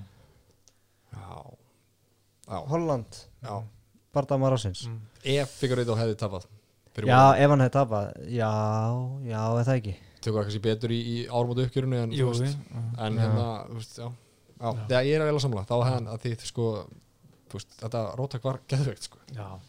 En Mackenzie Dörn, hún tók að verna Jandir Rópa Já, ah, ekki meira um þú veist, já, en þú veist, var það ekki bara veist, þetta var, þetta var ágætismats til að horfa á? Já, ég hef gána þessu sko, Já. en, en ég, náttúrulega eins og oft þá fóru það ekkert í gólfið, það er það sem hann vildi, vildi sjá sko, en ekkert mikið í gólfið. En, en Mackenzie Dörn, hún er að ég held að hún sé að vera miklu meiri svona, það ekki, hérna einhver player í uh, stráðinni því að ég, hún kom fyrst í, UFC þá var hann sko svona, og, og, og hann beðin um að fara frá hérna MMA Lab, mér finnst það skemmtilegt næst eða starf segja bara því að vera beðin um að fara. Veist, ekki, ekki segja að vera starf skilur Hva, Hvað er það? Er það kampi eða er það, er Já, það kampi, samtök? já, MMA Lab hennar kampi, bara Já, ok, þjálfarinn var bara, herru, nennir við bara að fara því að, að hún var ekki að æfa, almennilega. Hún bara vildi freka mæta ströndin eða gott við heldur en að Mm. mæta æfingu og þannig að þeir bara sáu sér ekki fært um að vera með áfram. Þannig að hún var beðin um að fara. Og hérna fór fyrst í Black House en ákvað að fara þaðan eftir að eiginmaður hennar og þjálfari voru að, að einhver barða, og hérna en núna sko orðið mamma og hún er búin að setla og hún er búin að gifta sig og hún verðist vera svona miklu meiri fókus til í æfingarnar og búin að er vera þrjá röð uh, hjá Jason Parillo mm. sem, sem var með Michael Bisping Já, og hérna BG Penn og, og fleiri ég hef nýja trúan ég hef meiri trúan en núna og geti fara eitthvað lengra og orðið einhver contender heldur en, heldur en áður sko. Já, þú veist, ég er ekki, veist, það er þetta að bera rauk fyrir því að hún sé, þú veist, hvern mann sparta maður uh, ársins, sko, með þrjá er einhver, gera, er, er einhver önnur kona að gera? Sko mér finnst Amanda Ribas bara alltaf svo geggja en ég held að hún hafi bara tekið eitt bara þessu ári held ég Já, sko, það erum nú derna með þrjá sigra þannig að á- 2020 hefur árið hennar Mhm, já, já, já, það má bara, má bara segja það. En þú veist, hún er bara einhvern veginn, þú veist, röngunum er 11 og Mhm. þú veist að það þarf að gera svo mikið hún að Já, þú veist, kannski ekki það mikið í þessu flokki en þú veist, mm. hún þarf að gera nokkur hluti viðbútt til að geta farið í þetta samtalum að vera hann já, vantar, vantar aðeins sko. Að- tveir góður í viðbót og úst, hún fer um að Angel Hill eða eitthvað og, og, Já, og sjá hann hvað hann gerir þar. Þannig ég, ég er samt spenntur ég, en, og við logoðu. Já, logo uh, Cyril Gane, Junior Dos Santos er þetta búið hjá JTS Já. Það held ég. Að þú veist fyrir lungu Heldur það? alveg bara nokkrum, bara fyrir nokkrum róttökum síðan sko. Já, já, ég- mér finnst þetta alltaf leðilegt sko, en, sko, ég held það sé alveg auðvelt að segja það, að þetta sé búið. En mér langar að henda einu nafni hérna fram. Það er gæði sem heitir Andrei Arlovski. Ég ætla að segja Anton Korobov og langar að þeir berist Nei, hann er hefur 40 eins og skamall og hefur oftar en einu sinni tapað sko fjórum barndum í röð og samt er hann ennþá í össi og er að tveggja barða síðugöngu núna. Þú veist, í þungaðinni það er eins og þessi gæði sem er nýju líf. Mhm. að ef hann heldur áfram í þessi þá geti ég alveg trúið því að hann ein- einhvern veginn kemur sér í Bellator og vinnur einhverja þrjá barða og bara einhvern veginn verður áfram þú veist, ekki hræðulur Já, eða þú veist hvað maður eiginlega að segja sko, þú veist, undanfarnir fjóri bardagar hafa eiginlega bara verið hræðileg nema með fannst hann lúka ágætlega á móti Rós, uh, Rósintrúk Já. áður en hann var rótaður sko. Mhm. og því þetta er þungavíkt og ég er að lesa víða sko, það er einhvern veginn enginn nema ég og Bjarki að afskrifa hann alveg strax sko, Aha. það er allir einhvern veginn svona "Næ, ég meina þetta er þungavíktinn og þú veist, við getum sjá hvað gerist, við erum ekki að flýta okkur. Og síðan hann sjálfur bara, ég hef engar ágjur en ég, þetta er lungu komið gott sko. Já, en hann er bara slumæður og mm. þú veist, hann veit það ekki en ég, ég vil ekki sjá meira þessu sko. Nei, nei, ég var til að sjá hann fara bara svona berjast einhver pulsur einhvers þar, fá svona sjálfströst kemur aftur og er bara flottur en, en þú veist, það er svona Arlovski-liðin já, en auðvitað væri bara flott hann myndi bara hætta, bara setja gott og myndi bara hafa svona self-awareness í að sjá að þetta er bara búið sko. En þeir eru allir bara, ah, ég get ekki hætt með fjögur töf á bakinu, vera að ná einum sigri og síðan hætti og síðan náður einum sigri, ah, herru, ég er bara I'm festum að ég bara, veist, ég tekið niður bútt, sko. þetta er, er sko. þetta er stuða glíma sem menn er í sko. en uh, svona annað svo kvarti sem ég vilja ræða. Köp Svansson. Bæm, flottur, geggjaður. Uh, Hann er ekki lengur á listanum. Eða hvað? hann bjargaði sig held ég. Bjargaði sér. Já, en hann er Sett samt sett hann á listana? Þú sættir hann á ef listanum. hann, ef hann myndi tapa sko. Já, já, og ég held að hann myndi tapa. En ég meina, Pineda, hann fer á listan í staðinn já, minna Nei, nei, nei. Pinnet er ekki Já. Pinnet var geggjaður á móti, hérna, Herbert Burns, sko, bara ekki að pakka hann saman, sko. hann saman Átti ekki sens á móti Swanson, já, eða svona, þú veist, það meðist hann lúka alveg vel svona framan af svo fannst mér hann vera kærlus. já, kærlus Já, mjög kærlust, jú, ok, hann byrjaði hérna fyrstu, fyrstu mínúnar hérna alveg þokkalega, sko. Mhm. og en ég meina Köp Svansson, hann er samt sko ég held að hann sé á fínu samningi hann er 37 ára gamall, búin Mhm. að vera lengi búin að fá marga samninga að veist, kannski kemur auðvitað sér bara herri, takk fyrir okkur en mátt fara annað ég, veist, ég veit ekki, ég bara, hann hefur samt búin að vinna tóparta röð núna Já, en uh, ég, maður veit ekki hvað auðvitað Nei, gerir fyrst er ákveð Romero skilun, það er engin óvöldur. Við köttum ekki Svansson alls strax. Ég, ég er með stór plön fyrir hann. Ég vil Já. hann uh, taka sigurinn á móti Hosei Aldo og Tito. Og ég vil helst að Hosei Aldo vinni það. já, Og ég vil að sjá hérna Köp Svansson Hosei Aldo 2, sko. já, ég var til að segja það að fyrir barðan hvað var 7 sekundur Já. Mm. Þannig að, þú veist. En Já. ég, þú veist, veginn, þú veist, er, er til einhvern sem heldur ekki með Köp Svansson? Þú veist, ekki einhvern Maður er alltaf, já, hey, come on, hann go er on. ekki að sko hann er topp, svo vilt toppgæði einhvern veginn. Já. Eh, svo almennilega gæði svo, Já, og er alltaf gaman að hóna berjast. Já, Með með, geggju tattoo by the way, þegar komum því að. Já, Já, hella nett, sko. Við erum mikla áhuga með um tattooin í tapparfinu, sko. já, það er ekki allir með fullt Ja, veist, hans lúka, sko. já jú, uh, Rafael Fisiev ég var nú ekki búin að spá mikið í honum fyrir þessa helgi en þú sendir með Bjarki vídeo á honum að taka bara svona bókstælinn sem var í Matrixinu. Mhm. hann sko fær headkick og beisi svo langt aftur og ég bara svona, ég trú ekki það fyrir í limbo sko. Það er ruggfallegt sko. bara, ég skildi ekki.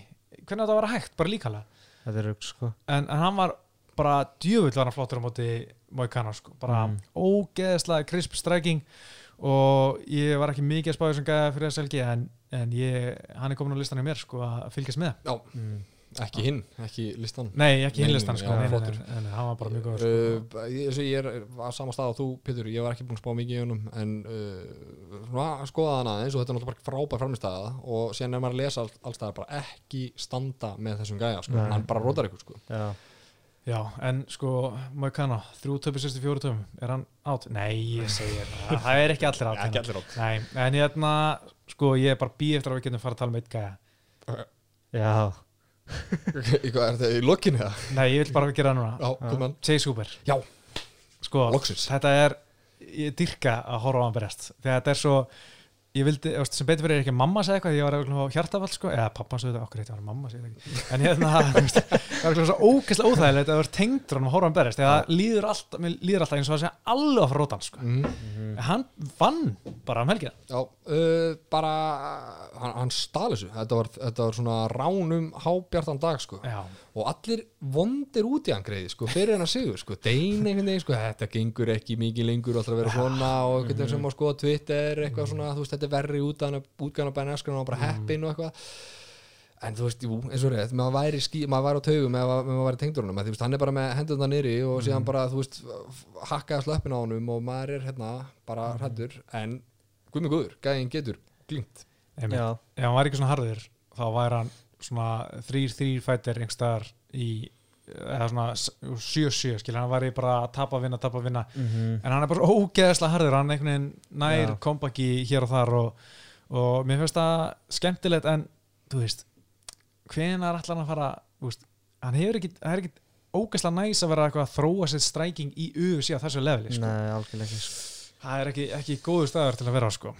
mm, nei, ég, ég er hann að ég er með hann sko á listanum 60 sko. Já, Nei, hann- hann- hættu þessu. Þetta er bara, já ég veit ekki. Þú veist, ég horfði á hann æfa og ég er búin að horfa á hann, hann þú veist, þetta er þetta er hrikalegt að vera svona í UFC sko. Finnst hann svona liðlur já, Já, já, ég er með horfa á hann. Þetta er rosalega lélitt stræking. Hann er ekki með gott wrestling En hann er bara geggjar í gólfinu. Mhm, En sko, veist, ef hann gæti allan að ná öðru þessu Í lag, strækingi helst Eða wrestlingi, mhm. Að þá væri veist, Þá verður þetta allan aðeins stægilega Aðeins skemmtilega, en veist, þetta er samt gaman Það er, er spennandi að horfa. Já, þetta er nefnilega, þetta er nefnilega gaman sko. hann er svona með svona smá nafn og þú veist, hann er eh, eitthvað fyrir ungu kynsluna, mig og Björka Já. þú veist, hann er svolítið það sko, svona svolítið ábyrrandi en eitt í þessu, hann er svona super specialisti, þú veist, ég er ekki líka nú saman við Khabib, en Khabib er super specialisti þú veist, í, í sinni grein sko og þeir geta astnast helviti langt þú veist, ég meina, þú veist, gæt Khabib eitthvað strækað þegar hann var að koma fyrst inn sko, Ný, þetta er sko þetta, Þetta er ekki þetta er ekki sko. sama Ok, ég ég er ekki, ekki byrjað á saman sem fór ég bara beint að byrja á saman. En þú skilir hver ég- fara með ég þetta. veit Já, hvað þú fara með þetta. En þú veist Æ, þú veist, wrestlingið hans er ekki neitt heldur. Hann er geðið svona unathletic djúlir í leðilur og hann að og þú veist æ, ég bara ég bara einhvern veginn með vorkin hann þegar ég horfa á hann eitthvað, æ, ég veit ekki. Það vantar svo mikið upp á. Og síðan er hann bara, jú, hann er segur að glíma. En hann er ekki svona smasser að glíma, Mm, eh, passaði þig þú veist, Mm. hann er alveg eftir að lenda á móti gaurum sem að, þú veist, hann er að reyna að ná niður. Og þeir bara svona, þú veist counter og enda ón og honum eitthvað aðeins og er Mm. bara segir líka, skilur og Mm. þú veist, þetta verður bara algjört, þú veist, hann er ekki að fara að snúa endilega við, Mm. æ, ég veit ekki. En þú veist, hann er, þú veist, ég er ekki að sjá hann sem einhver Charles Oliveira, sko. Nei, nei, nei, sko. En hann er samt mjög góður í gólfinu og þú veist, grjót harður en æ, ég veit það ekki Já, þetta er svona nýji Sage Northcutt nema bara eiginlega Já, sko, en samt eitt í sem hann segja, sko, hann er ekki góður að glíma að, hérna, hann ætlar að mæta einhvern veginn, Berger segja, hann ætlar að mæta einhvern gæjum sem hann ekkert að ná niður, hann náði ekki Peter Barnett niður, Nei. átti ekki fræðilegan sem, sko, hann þurfti að taka hann einhverja Tony, hérna, Ferguson Kodnýsa til að berga sig, sko. Hann var ekki nálægt í, sko, hann ná hann niður. sko. það var ekki, ekki gera Sinni líkansbyggingin á hann, við, við erum svona stundum rætt í líkansbyggingar Þú veist, hérna, nú minn maður Sein og er brotættur sko. Chase Hooper er í þessu flokki sko. Er sko það er ekki heldur að vinna með honum. Nei, þetta er uh, svona minnst atletik gæði sem ég síðu þessi held ég. Hann og Ben Askren, bara pappans eða eitthvað. En sko, uh, Bjarki, vorum að tala um þetta uh, leiðninga ef auðvitað sem myndi gera svona test eins og gera, þú veist, stundum í NFL það er svona að láta menn svona hlaupa eitthvað 40 jar- hjarta og svona mm Mhm. mæla það og mm sýnt ykkur útsetningu og, og þetta voða mikið fylgst með auðvitað sem væri með svona test ég held að hann væri neðistur í öllu. Já, já, já, já. bara, bara pund fyrir pund skilur öllu, það skiptir ekki mál hann væri neðistur The UFC Combine, þetta er náttúrulega NFL Combine sem við um já, sko já. já, já, Ég var að horfa á það í gæðir sko, ég fór síðan að hugsa um þetta á leiðinni að þið vorum að tala um hann og ég var eitthvað að hugsa bara vá, þú veist, þeir eru bara eitthvað svona að testa allt fyrir, þú veist, þá er ég ekki að tala um skillsettið þeirra, þú veist, þeir gera það líka en þú veist, þeir bara testa spretthlaup hvað þeir geta hoppalánt, hátt backpressu, Mm. þú veist, þeir eru bara og þessi gaur væri bara holy shit, þú veist, hann væri svona þeir eru bara að checka hversu athletic þú ert. Mm. en hann væri ekki mjög ofalega á þessum lista En sko. við getum ekki verið svona vondir sko að þið tver, ég er, hann er minn maður sko, Hann ég, er er þetta moka, ég moka, ég moka kólinn sko, hann er Já. 10-1 Ég veit Já, það er ekki- það er hann ekki- er með fáránlegt. TKO yfir hérna, Daniel Tamer sko. Ég veit Þú veist, það. er ekki tekið på göttunni það er bara magna sko. Já. ég skilja það ekki ennþá sko. Hvað er næst, strókur, hvað vil ég næst fyrir Húber? bara, bara eins lélan gæi og þú veist ekki tveitir mér Já, bara já, já. leiðum honum að þess að Já, dróskast og bara Svo að því, þú veist, hann geta alveg verið góður þú veist, hann er segur, en þú veist, bara ekki fara að gefa honum allt í hennu, bara eitthvað Sean O'Malley, eitthvað, þú veist Mm.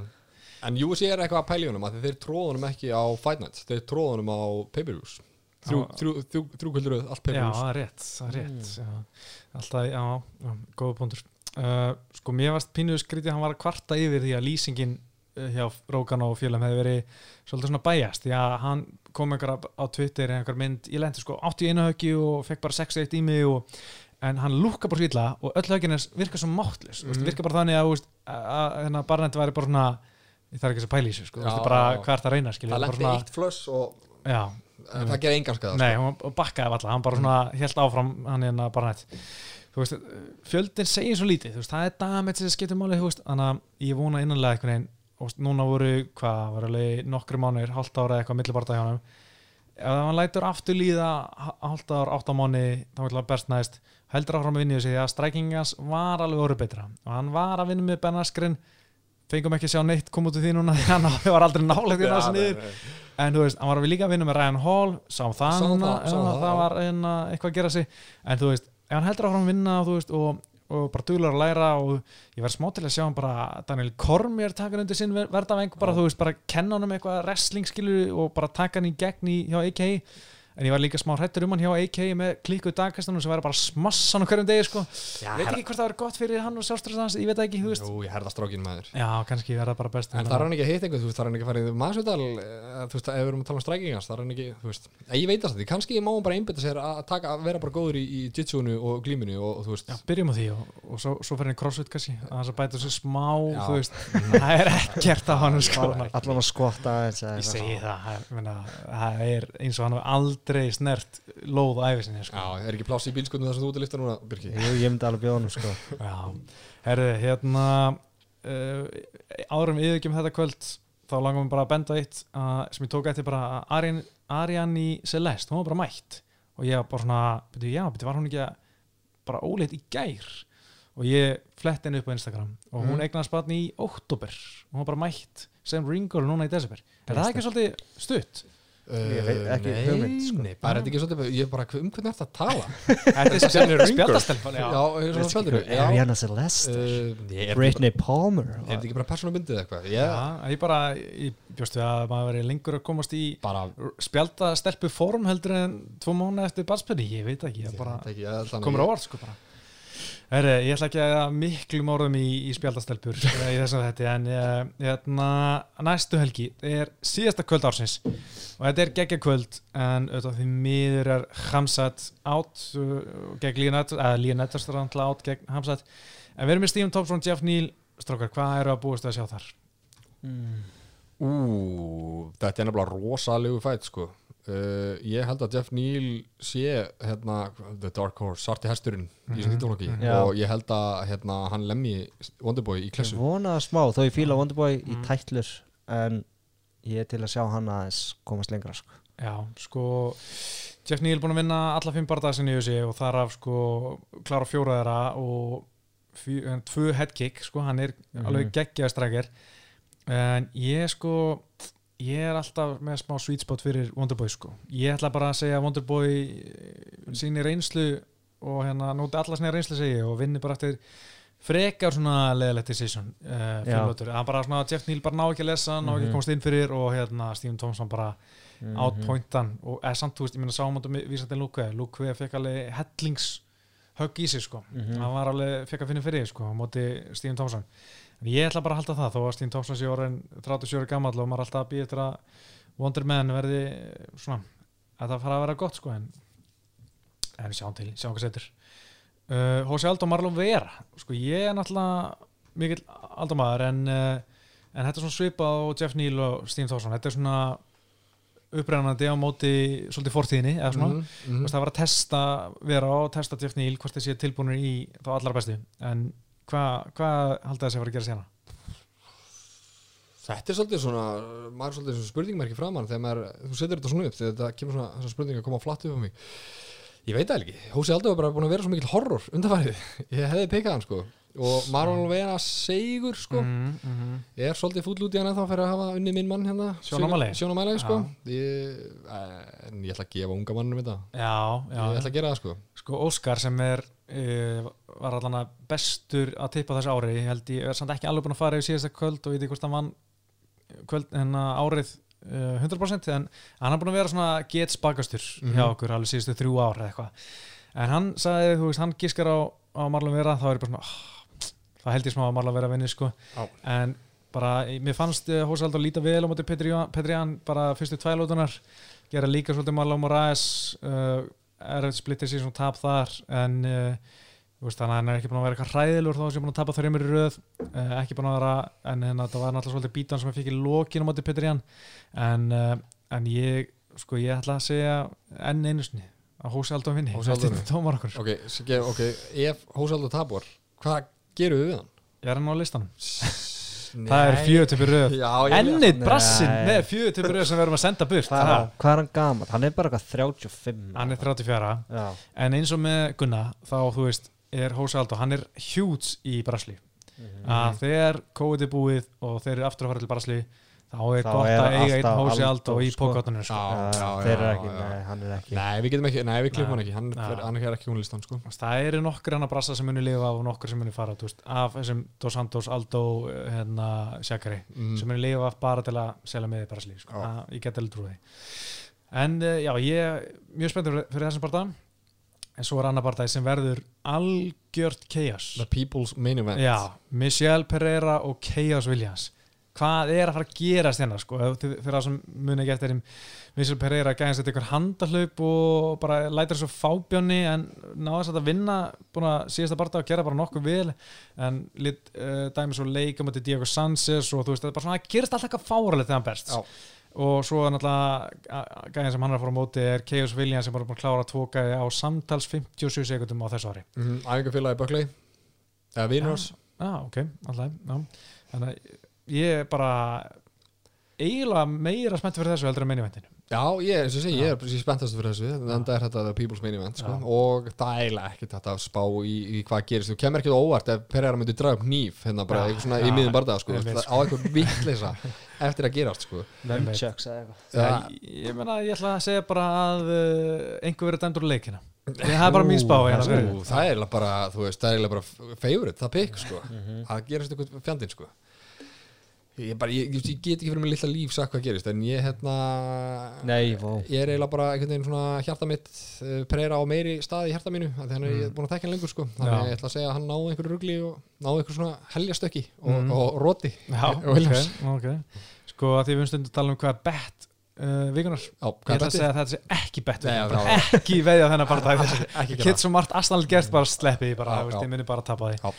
Uh, Malum Ræðis, Rob Font Malum maður. Ræðis er í vill Já, hann er að, þeir eru ykkur vinnir á Instagram eða eitthvað? Nei, hann addaði mér á Facebook fyrir svona 5-6 árum síðan.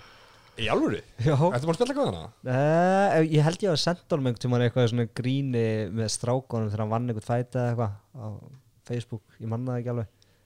En þannig að já, ég held með honum. Já, þú heldur alltaf að hann aðdæði mér á Facebook. Já Þeir eru náttúrulega mjög nánu vinnir og hérna voru búin að fylgjast vel með hann Rob Font, hann er, menna, þetta Bostonstrákur 33 ára gammal, hann er búin að vinna þú veist, vera nokkuð lúmskur síðustu ár. Svona, ekki margir sem pæli í honum en hann átti náttúrulega frábærum bara í DS mútið Rikki Sæma sem var fætið á nætt og vann Sergio Pettis og svo en vann hann Thomas Almeida þegar ég held að Thomas Almeida væri að fara að vera einhver player, Mm. þannig að svona, hann er búin að eiga fína fyrirlega, Marlon Moraes náttúrulega tapa á móti Kora Sandegin og bara rótar þar í oktober sem var náttúrulega Ú, já, það var mjög klikka. svona mikil vombrið fyrir hann því meina það var allar að tala um að ef einhver myndi róta einhvern það var að Marlon Moraes sem myndi róta hverju sandekjan en það var svo ekki og þar áður átt hann allar svona framistöðu móti Hósa Aldur sem margir segja hann hefði tapað þar og tapað þar og undan móti Henry Súta hann hann er svona að það er að fara að rífa sig gang svolítið svona, þú veist, ha- hann var svo sjóðandi hittur Já. hérna fyrir tveim árum, einu hálfu, skilju, eh, minna, sko. sko. Já. Já, þú veist, þá var hann bara, veist, þá, þá var hann maðurinn, sko, og núna er hann búin að vera einhvern veginn á spíral niður, sko, og þetta er, hann þarf að virkilega að fara að rífa sig í gang, sko. Ég sko, ég held smá að myndi vinna sér hútó sko. Já, ég líka Já, ég líka, ég var að það var eitthvað sko. svo Ég var heitur, handviss um það, sko. Mhm. En.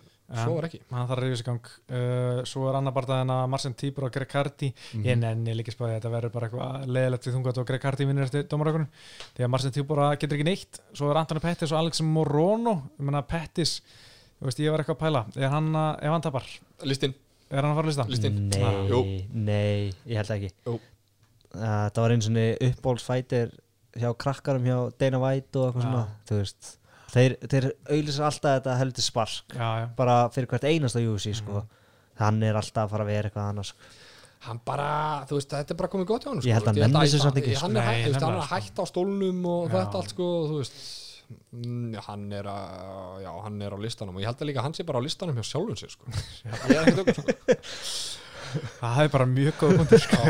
Þetta sjálfan bara gott þetta og partið fætt. Leon Edwards og. Hamsat hefði verið á þessu þetta hefði verið fucking Úff. geggjað sko. Er eitt nafnum sem ég sé á prílim, sko, sem ég er svolítið heitur fyrir, það er hérna litli Daniel Cormier. Deron Winn. sem er 1.50 eða eitthvað hæg sko. keppa í, Litli sko, Daniel Cormier, er Daniel Cormier er alltaf að tala um hvað hann sé geðugur og þú veist flottur og geggjaður wrestler og síðan er einhvern veginn alltaf tapandi er- segja að annar, er strax búin að ekki ná vikt að þetta er einhverju catchweight hérna, já, 195 pundum sko, hann Það er- Já, hann að æfingafélag Hann er pínu lítill 168 cm hæð og hann byrjaði í léttangveitt sko. Já.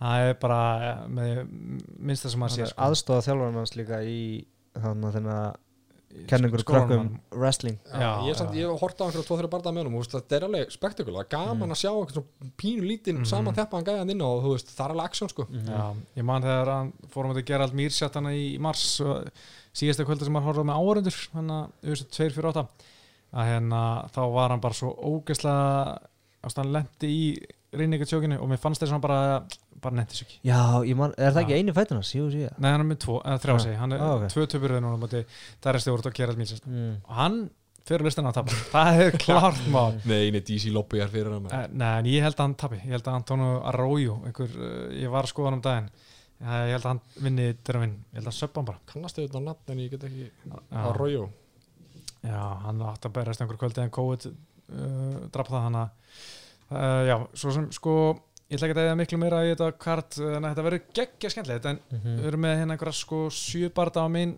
kartinu, þetta verður við erum að byrja þrjú held ég sko. Já, þú og ég já, Þetta er svolítið eitthvað sem að vakar eftir. Ég held ég sé komin í hérna í jólafrít svona semi sko og strákurinn að fara í eitthvað svona um og af helgi þannig að Já. úf, að ég er kallin að vaka. En sko ég, þetta er bara svo sko ég vona að við getum byrjað tvö það væri tölvöld skála, þetta eru sjöbardar sko. Mm. Herri, við erum byrjað miðnætti. Gettin Ha, byrja með einhverju þá. Meingarti byrjar miðnætti breaking news í beinni. Að djúðlega er spenntið fyrir þessu núna. Þetta Ó, þetta er bara þetta er- er allt annað maður. Ég, sko. Já, það, það, er allir að fara að vekkur eftir þessu núna. Ég hólkast aldrei upp og herru, Já. það eru bara eitt, eitt, eitt, það eru eru bara fjóri dagar í það. Ég veit það, þetta, þetta er geggja sko. En uh, förum helstu frétti vikuna bara rétt í lokin. Jólur er og hann er komin í Bellator og er hann að fara að vera mistar þar? Já, í léttangvikt Uh, eða þú veist, ég er að segja þessi nefnkofi góður sko en ég sá eitthvað ógeðslega að fyndi tweet uh, um daginn það var eitthvað svona Jó- hérna, Jóla Romero eftir sex vikur og eitthvað mynd á honum með fjögur belti vafir um sig allan sko það gæti hann bara gerð sko en þú veist þetta er alveg, sko, vorum að tala með það að, að lettungavektin í Bellator og lettungavektin í UFC eru alveg, þú veist, geta alveg parað, parað ykkur aðra, sko, þú veist, hann er ekki að að í gegnum mm, alla þarna, sko Nei, Nei. nei. Ég er allan spenntur og ég hérna vona að ég geti hort á það frýtt á YouTube þegar að því kemur sko. Mhm. Já. Er búið fyrst í fætt hans kominu, var það rambúlega? Það er bara enda okkur sögursannir Já, já. það verður að vera það sko. Ég held ekki, þeir hendanum í einhverja pulsu sko. fá eitthvað highlight reel það er svo típist bellator, Já, er reynda rétt það er óþólandi sko. uh, Eitt sem ég langar bara að segja ykkur bara benda á að hérna ræsin er með kvöld 31. desember og það er Japanin Kyoji Horiguchi sem var í þessi, hann er berast og Mike Brown sá öðlungur öðlingur, þjálfari í Amerika Tóttum mm. hann er að fara að coacha hann 31. desember. Og til þess að fara þangað til Japans þá þarf hann að vera í einangrin eða sótkví í tvær vikur. Þannig að hann fór út í gær og verður einn yfir jólin í Japan á okkur hótelherbyggi það er fór, Það er fór damn, Já, pældi því. Mike Brown hann er smá goat Hann er trainer það, sko. já, bara þú veist, það er ekki margir sem myndi gera þetta fyrir sko, ég myndi, uh, sko, myndi ekki gera þetta fyrir neitt, held ég, sleppa jólunum til að vera einn á hótelherbyggi, já til að þjálfa eitthvað eitt gæð, Og við erum fyrir eitt barða Við erum ekki að tala um eitthvað starsta startinu í UFC Við erum að tala um eitthvað gæi fucking þetta stóra stjórn í ræsin skilur við, en þú veist í Japan en Mm. þetta er samt sko, þú veist, pældi í að heyra þetta frá, þú veist Já. að þau eru að segja konun þetta. Já. hérna, talandi jólin ég ætla að vera í Japan hérna einn einhverju hótelherbyggi úf, sko, það væri erfitt sko. Það er eins gott að gæi vinni sko. Ég segi það já, sko. En uh, síðasta sem fyrir mig í dag og það er komað þér Björk Jómars það er Yes. hotnið þitt Það er uh, Paul. Já, Hvað er að Logan gerast Paul. núna? Nei, Jake Paul Bara báðir sko það er, það er alltaf að gerast er Sorry, ég sé að taka þetta hodna að Björka sko. það, er alltaf að gerast sko. Fyrst hérna, sendi mér svo á Björka hérna um helgina að hérna, Scott Coker bara, bara segir bara sjálfur bara lætur það út úr sér sjálfur bara we're in serious talks with hérna, Logan og, og Jake Paul um að kannski að setja saman einhverja bardaga og síðan í dag, var ekki í dag eða? þegar Gær. hann- þegar hann kemur með Ég hérna veit ég þetta kemur með Já, þetta var Sáuð það? Þetta mesta ég sá. dús myndbæð sem ég aðmenni síðan Og sá ekki líka hvað hann gerði Hann, uh, hann unfollowaði alla sem hann var að followa Og followaði bara kæristu Connors Já, á, á einsta Á Insta. Úf, shots fire sko. Þetta er svo, uh, þetta er svo Sko besta í stöðunni Er bara Connor bara lætur eins og bara Hann taki ekki eftir sig Já, Þetta væri bara- svona eins og þú Pétur var að Mm. kalla hann út. Já, Þú veist það myndi enginn vita af því. No disrespect Þú veist það væri ekki Þú veist hann myndi bara taka þessu svoleiðis. Þetta væri bara eins og væri einhver gaur á einhverjum pub. Að vilja berast það Þetta er að- bara einhver í YouTube kommentunum að segja You're a bum, I'm gonna fight you. Þetta er bara svipað þannig. Já, þetta, hann- þetta ég- trýta já. þannig að vera frábært. Það væri geðveitt nætt en hann gera það örglega ekki sko. Og ég held að honum örugglega líka bregða sko ef að þeir mætast eitthvað svona einhver staðar hann mun eitthvað vera á einhverju eventi eða eitthvað mm. Og hann finnur allt innum fyrir að Connor er bara að fara að fokkin berja hann mm. Mhm. þú veist að hann, hann mun ekki svona hei, uh, haldi mér, haldi mér, eitthvað svona þannig dæmi sko, þú veist, hann mun bara reyna að hlaupa fram í öllum Mm. og reyna að fara í hann og þá mun hann alltaf svona, já, ok, shit Mm. ég held að hann mun fá alltaf svona, því hann er snar sko, Já. kasta einhverju dollís í einhverja rúður og eitthvað, Mm. En- Trilla já, trilla Trilli, Mm. En- að Já, en þú veist mér finnst finnast í heiminum að þrjú fjör þannig podcast núna hjá okkur. Er ég alltaf að tala um fucking Jake Paul og eitthvað? Það. Það er eitthvað til að tala um sko, en Ja, samt, sko, smá. það sem þú veist að segja Bergi er að e, þetta væri eins og Pétur væri að kalla hann út sko. að það er bara því miður ekki þannig að þessi gæi er fucking risastór hjá Já. okkur ungu kynslu sko. það vita eiginlega, vita óksla margir hvað hann gera. Og eitt sem hann má eiga hann er að íta á réttu takana, hann har byrkt eitthvað myndband talandi um peninga og reyði einhvern vindil og tala um hann sem betri bóksari, dissar unnustu hérna Conor McGregor. Og síðan í dag gera hann drive-by á minn mann Dylan Dennis, hendur í hann vassblöðurum og klósupapír, Aha, sáðu ekki það? Nei, Ég sá það bara fyrirsögna rétt á ára við byrjum að taka upp sko en Já. ég meina er, er, er í sko fintabekka eitthvað, veist, bara dræfbekka það vassblur, hvað er í kam og klósupapír Já þetta, Sko, selja ekkert barda Dylan Dannis bardaði meikar sense sko. Já, en hann að, að því þú veist annað er að getur unnið og þú veist ég veit ekki svona hvor vinnur sko. Já.